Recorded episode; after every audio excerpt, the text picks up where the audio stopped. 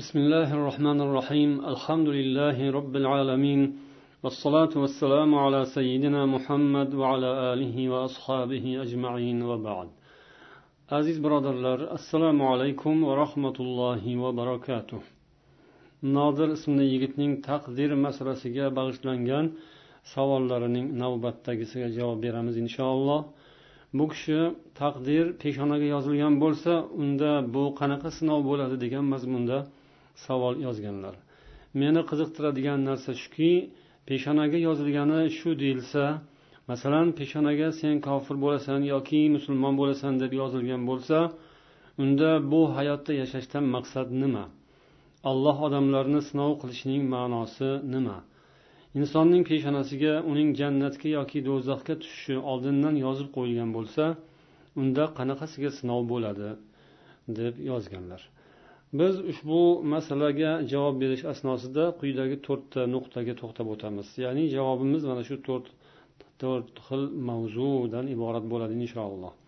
Birinchisi taqdir avvaldan yozilganiga aqliy dalillar. Ikkinchisi taqdir haqidagi oyat va hadislar. Uchinchi nuqta taqdir peshonaga yoziladimi? To'rtinchi nuqta taqdir avvaldan bitilgan bo'lsa nima uchun amal qilamiz? Demak birinchi nuqtamiz taqdir avvaldan yozilganiga aqliy dalillar haqida gapiramiz. Taqdir avvalo uning lug'aviy ma'nosiga to'xtab o'tishimiz kerak. Bu o'lchov belgilash me'yor degan ma'nolarda keladi. Bir narsani taqdir qilish o'lchash o'lchash belgilash uning miqdorini belgilash degan ma'noni bildiradi. Mana biz o'zimizning tilimizda o'zbek tilida ishlatiladigan miqdor so'zi ham mana shu taqdir so'zi bilan o'zagi bir xil qadr ma'nosi qadr degan o'zakdan olingan. Qadr o'lchov miqdor ma'nolarida keladi. Taqdir mana shu ma'noga ishora qiladi. Har bir narsa yoki voqea qachon paydo bo'lgani yoki qachon sodir bo'lishi qachon paydo yoki sodir bo'lishi haqida va yana u qancha davom etadi? Uning atrofida yana nima voqealar kechadi? Bularning hammasi avvaldan allohga ma'lum. Bu olam koinotning bir maromda harakatda davom etayotgani ya'ni biz ko'rib turganimiz bizni o'rab turgan olam haqiqatan ham hamma ishlar oldindan belgilangan ekaniga dalolat qiladi. Biz hozir aqliy dalillar haqida gapiryapmiz naqliy dalillarga keyin o'tamiz inshaalloh. Barcha insonning aqliga ishora atrofga nazar solish kerak. Bu hayotda tabiatda sodir bo'layotgan voqealarni kuzatish kerak. Bu olamda ollohning hisobidan hisob kitobidan tashqari biror narsa bo'lishi aql bilan o'ylab qaraganingizda ham durust emas. Masalan agar biz astronomlarning hisob kitoblariga ularning so'zlariga qaraydigan bo'lsak ular kunning qachon chiqib qachon botishini oy va yulduzlarni aylanishlarini oldindan taqvimlarda ko'rsatishadi.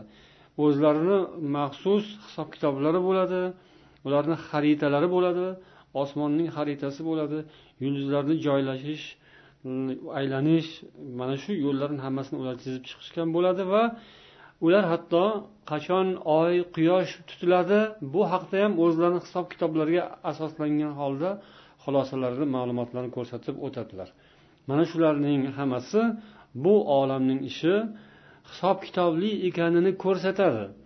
Bu olam mana bu koinot yeru osmondagi jismlarning hammasi ularni ishlash tartibi bir qonunga bo'ysunayotgani u avvaldan belgilab qo'yilganini ko'rsatib turibdi. Agar bu olamning hisob kitobi oldindan tuzilgan bo'lmaganda olimlar oy kunlarni hisob kitobini qilolmas edilar.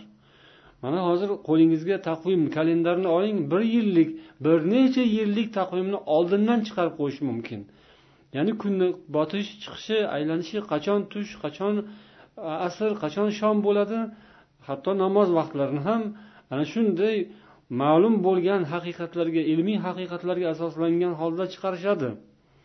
Bu demak oldindan ma'lum oldindan alloh taolo mana shuning hisob kitobini aniq qilib qo'ygan olimlar buni kashf qilib o'rganib keyin uni kitob qilib yozyaptilar yoki taqvim qilib jadval qilib chiqaryaptilar. O'sha jadvaldan nari yoki beri bo'layotgani yo'q. Bu alloh taolo avvaldan hammasini hisob kitobli qilganiga bitta misol xolos. Bunday misollarni hayotdan mana bu atrofimizdagi tabiatdan minglab keltirishimiz mumkin. Bu bizni ko'zimizga ko'rinib turgan hodisalar holatlar. Ko'zimizga ko'rinmaydiganlarni esa mana shundan mana shundan hujjat qilib dalil qilib uni ham anglashimiz mumkin. Yana bir misol davlatlar tashkilotlar o'z ishlarini bir necha yillik rejalarini tuzadilar. Va ko'pincha o'sha rejaga muvofiq holda ish olib borishadi. Besh yillik o'n yillik rejalarni tuzib oladilar undan ortiqroq yillarga mo'ljallab reja plan tuzadilar. Mana shu narsa hayotda ishlaydi. Bundan biz ikkita xulosa chiqarishimiz mumkin. Ikkita muhim foydali xulosani biza hosil qilamiz. Ya'ni mana shu davlatlar yoki tashkilotlar yoki shaxslar o'zlarini oldilariga maqsad qo'yadilar reja qo'yadilar va o'shani bajaradilar. Kim aqlli dono yaxshi bo'lsa o'sha rejasidan og'masdan rejasiga amal qiladi va shuni oldiga qo'ygan maqsadini amalga oshiradi. Shundan biz ikkita xulosa olamiz ikkita foyda olamiz. Birinchisi ishlarni avvaldan rejalashtirish foydali va zarur ekani anglashiladi. Ikkinchisi esa ba'zan mana shu rejalar buzilib ketadi. Rejada nazarda tutilmagan ishlar sodir bo'ladi. Va bu taqdir avvaldan olloh tomonidan belgilanganiga dalil. Bunga hozir yana qaytamiz. Birinchi xulosamiz ustida biroz to'xtalamiz. Ya'ni ishlarni avvaldan rejalashtirish foydali zarur ekani bu aqlli odamlarning ishi ekanini biz tushunishimiz kerak. Odamlar o'zlarini ishlarini avvaldan reja qilishsalar va ana shu rejaga binoan ish olib borsalar bu faqat maqtaladi buni hech kim qoralamaydi. Ya'ni bu judayam to'g'ri ish yaxshi ish. Mana shunday qilish kerak deb hamma qo'llab quvvatlaydi. Qiladigan ishini ertangi qiladigan rejasini undan keyingi yillarga qiladigan ishlarini rejalashtirish va shu rejaga amal qilish bu faqat tahsin o'qiladigan bu faqat ibrat olinadigan foydali ish. Shunday ekan olloh ham bu olamning ishini me'yorlarini o'lchovlarini miqdorini ya'ni bir og'iz so'z bilan islomiy tilda aytganda taqdirini avvaldan belgilab qo'ygan bo'lsa buni nimasi tushunarsiz bo'lishi kerak? Buni nimasiga talashish kerak? O'zizni ishingizni rejalashtirasiz yoki tashkilotlar yo davlatlar yoki boshqa odamlar rejasi tuzadi ishini rejalashtirib ertaga mana buni qilaman endiga bu kelasi yilga mana bu desa u bilan talashmaysizku. Lekin nima uchun endi olloh oldindan belgilab qo'ygan bu olamning ishini desa u bilan talashish kerak? Demak bu birinchi xulosa shuki ishlarni oldindan rejalashtirish bu pishiq puxta ish bu aqlli dono odamlarning ishi. Odamlarga biz rozi bo'lamiz. Odamlar mana shu qilayotgan ishini biz qo'llab quvvatlaymiz shunday ekan ollohning ham ishi oldindan belgilanganini tushunishimiz oson tushunishimiz kerak bo'ladi. Bu birinchi xulosa. Ikkinchi xulosa mana shu odamlar tomonidan tuzilgan reja odamlarning yoki davlatlar yoki tashkilotlarning o'z oldilariga qo'ygan rejalari ba'zan buzilib ketadi. Bu muhim. Mana shu nuqta muhim. Ahamiyat berishimiz kerak. Rejada nazarda tutilgan ish bo'lmaydi. Rejada umuman nazarda tutilmagan kutilmagan ish bo'ladi. Rejalar o'zgarib boshqa tomonga burilib ketadi. Mana shu holatda siz taqdirni esga oling. Taqdir mana shu o'rinda ishga tushgan bo'ladi. Ya'ni insonlarning tuzgan rejalari olloh belgilagan rejaga ya'ni taqdirga xilof kelib qolganda ana shunday o'zgarish sodir bo'ladi. Odamlarniki amalga oshmay qolib ketadi ollohniki amalga oshadi. Odamlarni tuzgan rejalarida demak ehtimollar bo'ladi. Mabodo amalga oshmay qolsachi degan savollar bo'ladi. Ya'ni bu reja odamlar tuzgan reja ehtimoliy reja va mana shunga asoslangan holda ish olib boramiz deyiladi. Lekin shu bilan bir qatorida biz kutmagan holatlar yuz berib qoladi. Qolsachi degan narsa albatta bo'lib turadi. Ana shu joyi olloh taolo tuzgan reja olloh yozgan taqdir degani bo'ladi. Ollohning taqdiriga muvofiq kelsa odamlar tuzgan rejalar amalga oshadi. Olloh xohlamasa u ish amalga oshmaydi. Shuning uchun aqida kitoblarida masha allohu kan va malam yasha lam yakun deyiladi. Olloh xohlagan narsa bo'ladi olloh xohlamasa bo'lmaydi. Islomdan bexabar odamlar bu holatni kutilmagandagi holat deyishadi yoki tasodif deb aytadilar. Ammo islomda islomiy aqida bo'yicha allohga iymon keltirgan inson taqdirga iymon keltirgan inson uchun tasodif bo'lmaydi. Har qanday tasodif bo'lib ko'rinayotgan ish oldindan olloh taolo tomonidan belgilangan xohlangan bo'ladi. Mayli odamlar nima deb atasalar atashaveradilar ammo asosiy masala shunday holat yuz beradimi yo'qmi? Yuz beradi. Odamlar kutmagan narsa yuz beradi. Va odamlar ana shunga majbur bo'ysunadilar. O'zlarini rejalarini qoldirib kutilmaganda sodir bo'lgan holatga moslashadilar majbur bo'lib. Ollohning rejasidan yuradilar ollohning taqdiriga ular bo'ysungan bo'ladilar. Mana shu ishlar qarasangiz g'ayri tabiiy emas balki tabiiy va tushunarli ishlardir. Ya'ni birinchi xulosamiz odamlar o'z oldilariga reja maqsad qo'yishlari tushunarli aqlli yaxshi ish.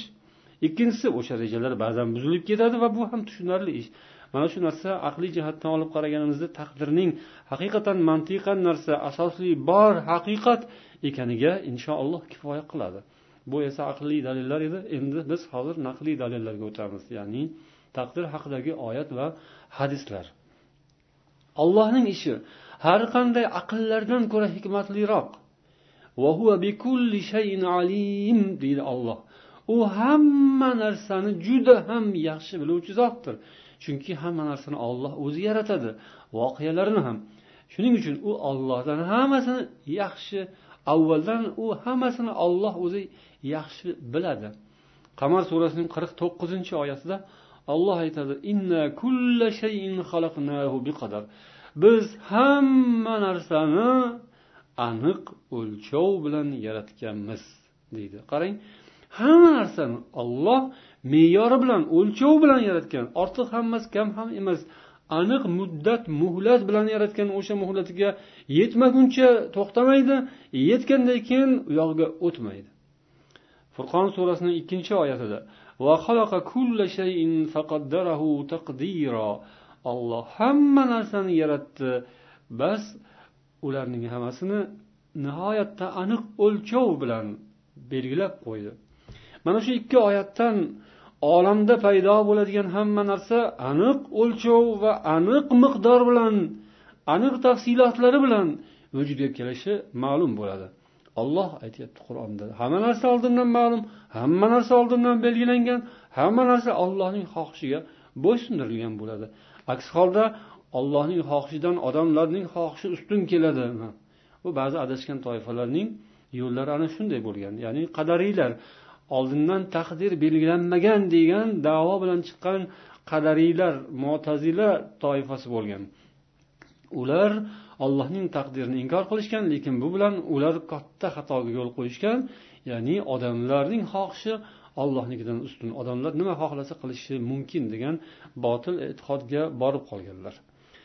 hadis shariflarga murojaat qilamiz hadisda payg'ambar sollallohu alayhi vasallamdan ibn maja rivoyat qilgan hadislarida keladi an ibn umar عن عمر قال كنا جلوسا عند النبي صلى الله عليه وسلم فجاء رجل شديد بياض الثياب شديد سواد سواد شعر الرأس لا يرى عليه أثر سفر abdulloh ibn umar otalari umardan rivoyat qiladilar. Umar aytadilar roziyallohu anhu ajmain biz bir kun rasululloh sollallohu alayhi vasallam oldilarida o'ltirgan edik. Shunda bir odam keldi. Kiyimlari nihoyatda oppoq soch soqollari nihoyatda qora. Unda safar alomati ko'rinmaydi. Bizning ichimizdan bironta odam uni tanimaydi. U rasululloh sollallohu alayhi vasallamning ro'baralariga ro'baralariga kelib tizzasini tizzalariga teqazib o'tirdi va ikki sonlari ustiga qo'llarini qo'yib ya muhammad mal islom dedi. Ey muhammad islom nima? deb so'radi. Shundan keyin payg'ambarimiz sollallohu alayhi vasallam islom nima ekanini tushuntirdilar. Islomdagi beshta farzni islomning beshta arkoni rukunini bayon qildilar. Undan keyin u odam ha to'g'ri aytdingiz dedi. Keyin biza taajjub qildik. O'zi so'radi javobini yana o'zi tasdiqlayapti. Keyin u odam summaqol ya muhammad mal iymon ey muhammad iymon nima? deb so'radi.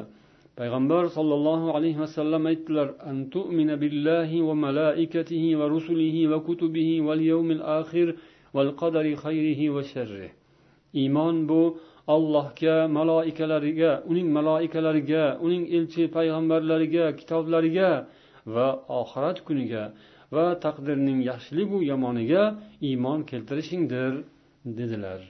Va yana bu hadis davom etadi. Bu yerda biz hujjat qilib keltiradiganimiz mana shu nuqtasiki iymon deganda qator ishlarga iymon keltirish allohga uning maloikalari payg'ambarlari kitoblari oxirat kuni va shularning so'ngida shularning ajralmas bir qismi aniq bir nuqtasi ya'ni taqdirga uning yaxshiligi ham yomonligi ham ollohdan ekaniga dunyoda sodir bo'ladigan yaxshi yomon ishlar oldindan allohga ma'lum ekani va u yozib qo'yilganiga iymon keltirishingdir dedilar. Demak bu taqdirga iymon keltirish iymonning bir bo'lagi kimki taqdirga iymon keltirmasa u allohga iymon keltirgan hisob bo'lmaydi yana muslim rivoyat qilgan hadislarida payg'ambar sollallohu sollallohu alayhi vasallam aytadilar kataballohu maqadiral xalaiqi قبل أن يخلق السماوات والأرض بخمسين ألف سنة alloh taolo osmonlar va yerni yaratmasidan ellik ming yil oldin barcha maxluqotlarning taqdirini yozgandir. Demak bu hamma narsa oldindan yozilgani rasulullohning hadislari xabarlari. Yana mana shu hadisning sharhida navaviy aytadilar al muradu tahdid vaqtil kitabati fil lawhil mahfuz aw ghayrihi la aslu taqdir. Bu yerda ellik ming yil oldin degandan murod alloh taolo lavhul mahfuzga shu ma'lumotlarni yozgani nazarda tutilyapti. Lekin haqiqiy asli taqdirning paydo bo'lishi emas. Asli taqdirni yozilishining avvali yo'q u azaliydir ollohning o'zi bilan birga mavjud azaldan. Qachondir allohga shu shu fikr kelib qoldiyu astag'firulloh allohga shu iroda kelib qoldiyu keyin shunday qilmoqchi bo'ldi deyilmaydi. Bu taqdir kelajakda nimalar sodir bo'lishining ilmi ollohga azaldan ma'lum edi. Keyinroq ma'lum bo'lgan emas. Ellik ming yil oldingi hodisa esa bu hadisda aytilgani o'sha ollohga azaldan ma'lum bo'lgan narsani yozib qo'yilishi yozib qo'yilish hodisasi ellik ming yil oldin sodir bo'ldi. Ammo bu ma'lumligi allohga undan ham oldinroq azaldan ma'lum edi. Endi taqdir peshonaga yoziladimi degan masala. Bu birodar o'zlarining savollarida peshonamga yozilgani shu deyilsa masalan peshonaga sen kofir bo'lasan yoki musulmon bo'lasan deb yozilgan bo'lsa unda bu hayotda yashashdan maqsad nima deyilgan? Peshonaga yozilgani degan so'z haqida. Bunaqa so'z hech qaysi kitobda yozilmagan. Olloh taqdirini peshonaga yozadi deyilmagan. Olloh taqdirini lavhul mahfuzga yozgan. Yuqoridagi oyat va hadislar barcha mavjudotning taqdiri haqidadir. Shularni ichida insonlarning taqdiri ham yozilgan bo'ladi. Taqdir deganda olloh faqat insonlarniki emas jinlarnikini ham.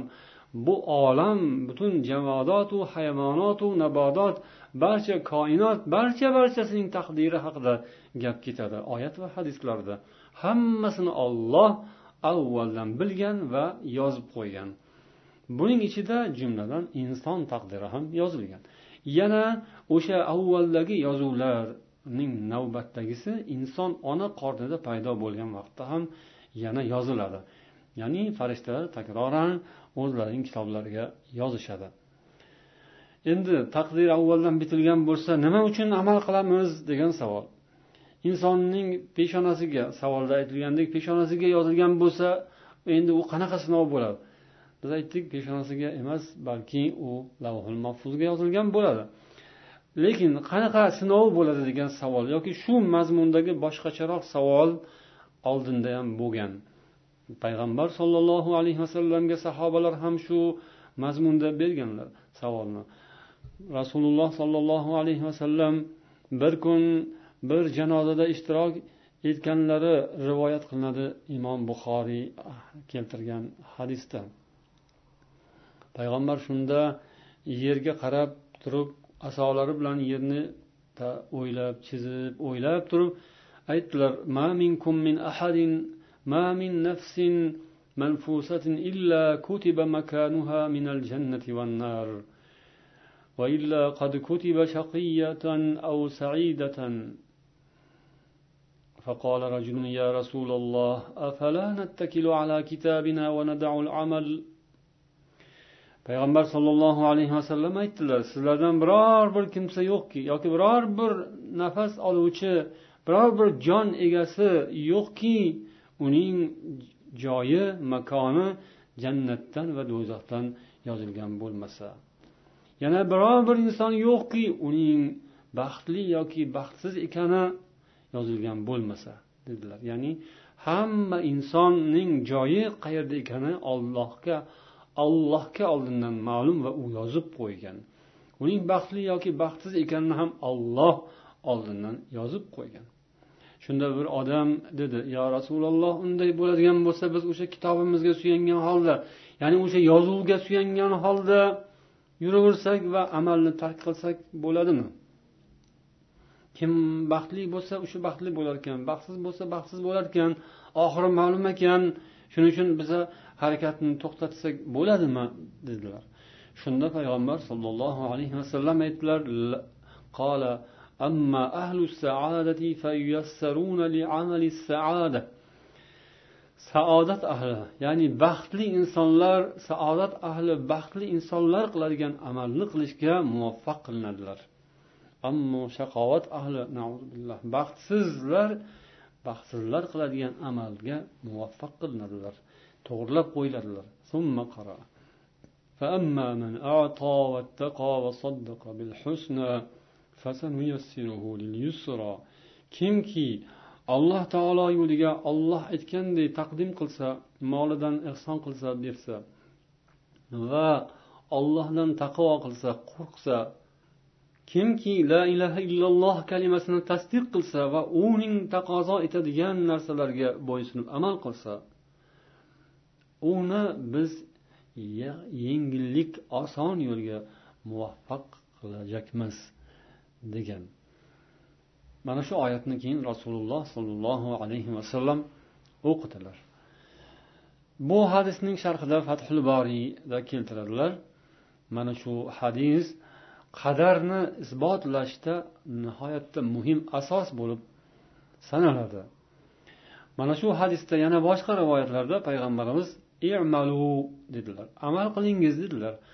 Amalni tark qilsak bo'ladimi? deb so'rashganda i'malu yo'q amal qilaveringiz. Amal qilingiz. Fakullun muyassarun. Har bir inson o'zi nimaga yaratilgan bo'lsa o'shanga muvaffaq qilib qo'yiladi dedilar. Yana hadis sharhida karmoniydan rivoyat qiladilar. Hasilul kalam annahum qalu idza kana al-amru muqaddaran. Agar amr ishimiz oldindan belgilab qo'ygan bo'lsa unda mashaqqat chekib amal qilishni tark qilib qo'ya qolsak bo'ladimi deganlarida yo'q dedilar. Hasilul javob anna kulla man khuliqa li shay'in har bir inson nimaga mo'ljallab yaratilgan bo'lsa o'shanga olib boradigan amal uning uchun oson qilib qo'yiladi. O'sha ishga u muvaffaq bo'ladi unga hech qanday mashaqqat bo'lmaydi. Olloh yengil qilgandan keyin u oson bo'ladi.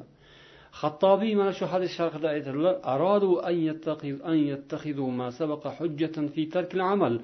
mana shu aytilgan so'z hadisdan amallarni tark qilishga hujjat olmoqchi bo'lishdi. Lekin rasululloh hadislari javoblari bilan ikkita haqiqatga ishora qildilar. Ikkita narsa bor bu yerda. Bir birini inkor qilmaydi bir birini to'ldiradi. Biri botin biri zohir. Botin va huwa maqtadahu hukm rububiyya. Bu botin narsa ya'ni ko'zga ko'rinmaydigan narsa rububiyat hukmi taqozo qiluvchi narsadir. Ya'ni rububiyat ollohning ismu sifatlari ollohning sifatlariga taalluqli bo'lgan e'tiqod. Ya'ni olloh taqdirga bitish ollohning sifati ollohning ishi. Ikkinchi haqiqat esa zohir. وهو السمة اللازمة بحق العبودية ikkinchisi ubudiyat bandalik haqqiga taalluqli bo'lgan bandalik haqqini taqozo qiladigan alomat. Bu bandalarni qiladigan ishlari ibodat. Bu inson oqibatining alomati. Belgilari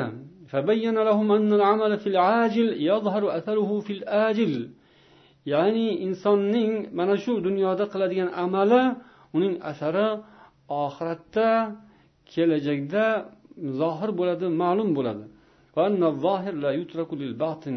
Va zohir botin uchun tark qilinmaydi. Ya'ni botinda bunaqa ekan endi zohirda bunaqa qilib qo'ysak ham bo'ladiku deyilmaydi. Bu ikkisi bir birini to'ldiradi taqozo qiladi deydilar. Ya'ni bu so'zning xulosasi zohir va botin ikki masala. Taqdir masalasi bu botiniy narsa maxfiy narsa. Insonga bu ma'lum emas lekin zohiri unga alomat bo'lishi mumkin. Inson zohirdan agar yaxshi amallarni qilib yursa uning oqibati inshaalloh yaxshi bo'lishiga bu bir alomat ishora bo'lishi mumkin deydilar. Yana hadis sharhida aytiladi muslimda ham kelgan hadisni keltirib misol qilishadiki suroqat ibn malik payg'ambar sollallohu alayhi vasallamdan so'radi. bizning qiladigan amallarimiz يا رسول الله أنعمل اليوم فيما جفت به الأقلام وجرت به المقادير qalamlar qurigan yana taqdirlar belgilab bo'lingan ishmi yoki kelajakda sodir bo'ladigan yangi narsami deb so'raganlarida rasululloh sollallohu alayhi vasallam bu bizning qiladigan ishlarimiz qalamlar yozib bo'lgan siyohlar qurigan kitob yopilgan ish dedilar Unda nima qilib amal qilishimizning nima ma'nosi bor? deb so'radilar. Savolda so'ralgandek unda sinovning ma'nosi nima deb aytilganidek sahobalar ham fafimal amal unda amal qilishimizning nima hojati bor? dedilar. Payg'ambar sollallohu alayhi vasallam qol i'malu fakullun muyassarun lima xuliqalah amal qilingiz. Har bir inson nimaga mo'ljallab nima uchun ya'ni qayerga borish uchun yaratilgan bo'lsa o'sha yerga olib boradigan ishga muvaffaq qilib qo'yiladi oson qilib qo'yiladi. O'sha unga nasib bo'ladi. Demak harakat qilinglar harakat qilib amal qilinglar. Sizlarni qilayotgan amalinglar sizlarni oqibatinglarga inshaalloh yo'l bu. O'sha taqdiringlarda yozib qo'ygan narsaga olib boradigan sabab mana shu. Olloh hamma narsani sabab bilan yaratgan. Bu olamni isitish uchun quyosh yaratgan. Kechani yoritish uchun oyni yaratgan kechada yo'l topish uchun yulduzlarni yaratgan bular sabab. Lekin siz o'sha yulduzlarga qarab agar yo'l topib bormoqchi bo'lsangiz yetib boradigan joyingiz qayer qachon qanday ekani oldindan ma'lum ollohga uni yozib qo'ygan. Siz lekin qanday qilib borishingizni ham yozib qo'ygan. Xuddi shunga o'xshab insonning jannatgami yoki jahannamga borishini olloh oldindan yozib qo'ygan. Lekin qanday yo'l bilan borishini ham yozib qo'ygan sizni qilayotgan ishingiz o'sha boradigan joyingizga olib boradi. Qanday qilib borasiz qachon borasiz allohga ma'lum. Olloh esa shuni olib boradigan yo'llarni insonga o'rgatgan ko'rsatgan va kim shunga loyiq bo'lsa o'shanga oson ham qilib qo'ygan o'shanga olloh uni muyassar qilib ham muvaffaq ham qilib qo'yadi.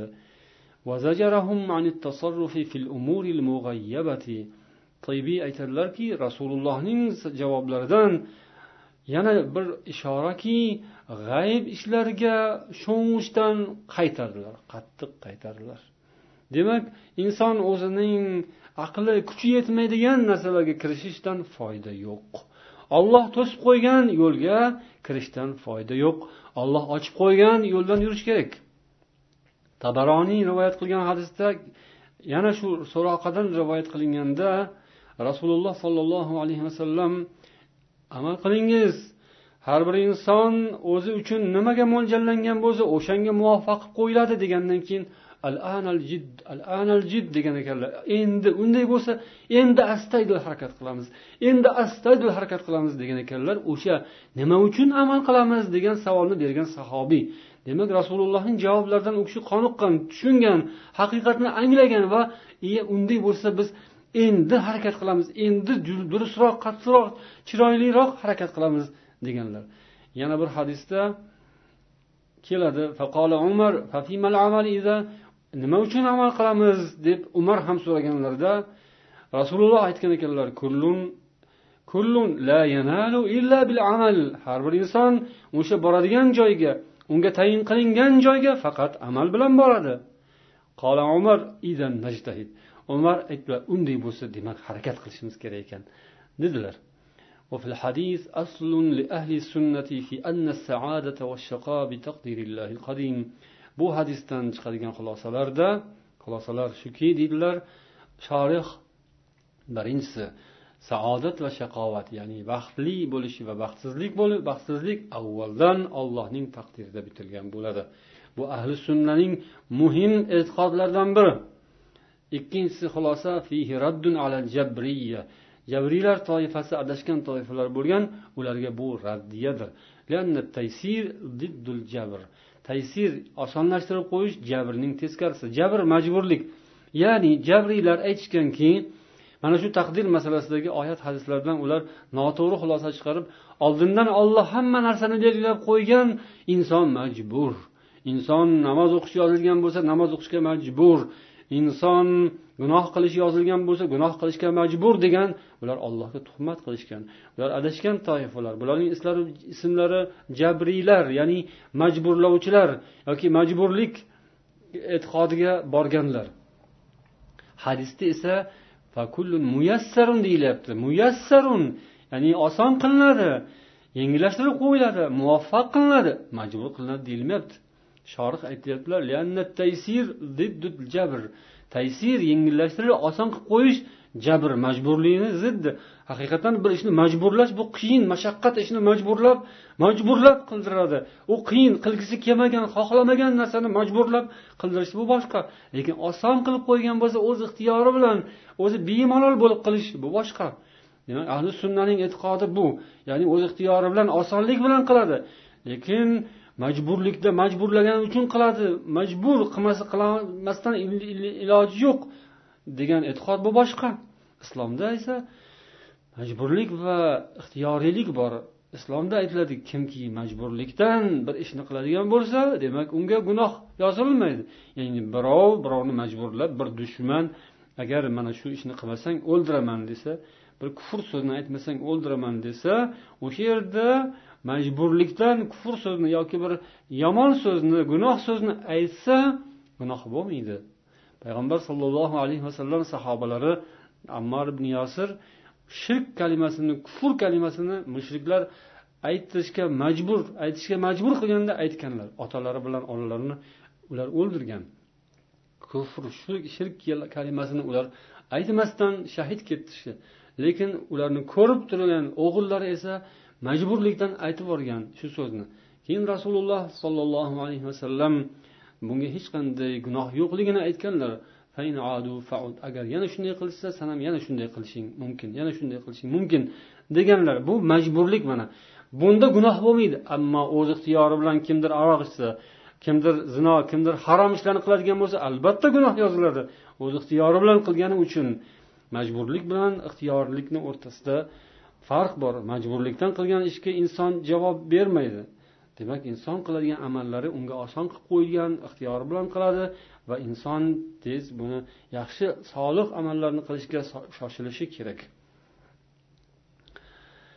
yana xattobiy shu hadis shu mavzudagi hadislarni sharhida aytadilar هذا الحديث إذا تأملته وجدت فيه الشفاء مما mana shu hadisda sen agar o'ylab ko'radigan bo'lsang taqdir masalasida inson qalbida paydo bo'ladigan har xil fikrlarga javob inson qalbidagi har xil kina g'il har xil e, yoqimsiz narsalarga bu shifodir deydilar. Haqiqatdan shunday. Alhamdulillah. Payg'ambar sollallohu alayhi vasallamdan sahobalar shu haqda so'rashganda rasululloh ularga bildirdilarki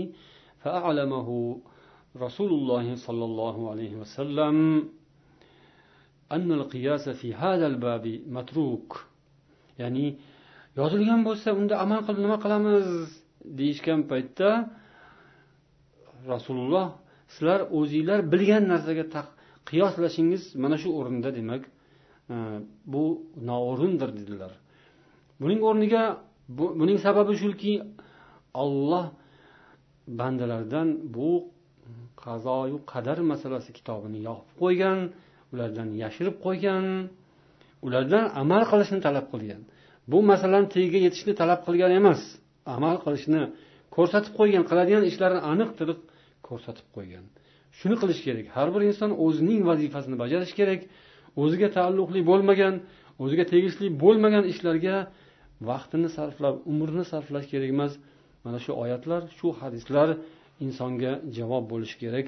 Shu bilan ollohning marhamatiga u inshaalloh erishadi va insonga olloh tayyorlagan jannatga shu e'tiqodga borganlar shu e'tiqod bilan mustahkam yo'llarda davom etganlar yetadilar mana shu hadisda yana qadariylar degan adashgan toifalarga ham raddiya bor.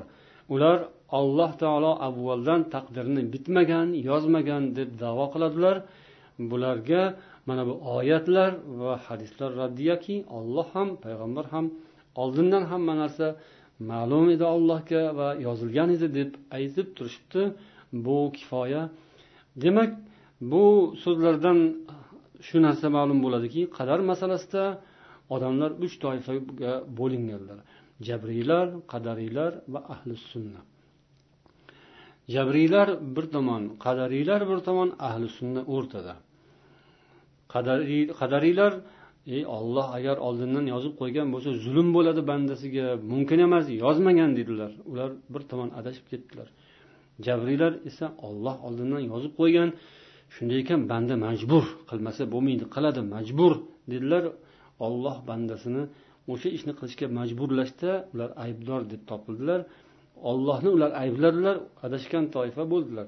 Ahli sunna esa o'rta yo'lni tutdilar. Ya'ni olloh oldindan hamma narsani biladi. Avvaldan allohga ma'lum yozib qo'ygan o'sha ma'lum narsani. Ammo insonni olloh majbur qilmaydi. Insonga ixtiyor beradi inson o'z ixtiyori bilan qiladi. Insonni olloh nimaga mo'ljallagan uning joyi qayerda bo'lsa inson o'sha o'sha joyga olib boradigan amal unga nasib bo'ladi. Demak hozirgi kunda atrofingizga qarang o'zingizga nazar soling. Agar siz ollohni ibodatini qilishga qalbingizda ishtiyoq shunga ixlos e'tiqod paydo bo'ldimi? Alhamdulillah.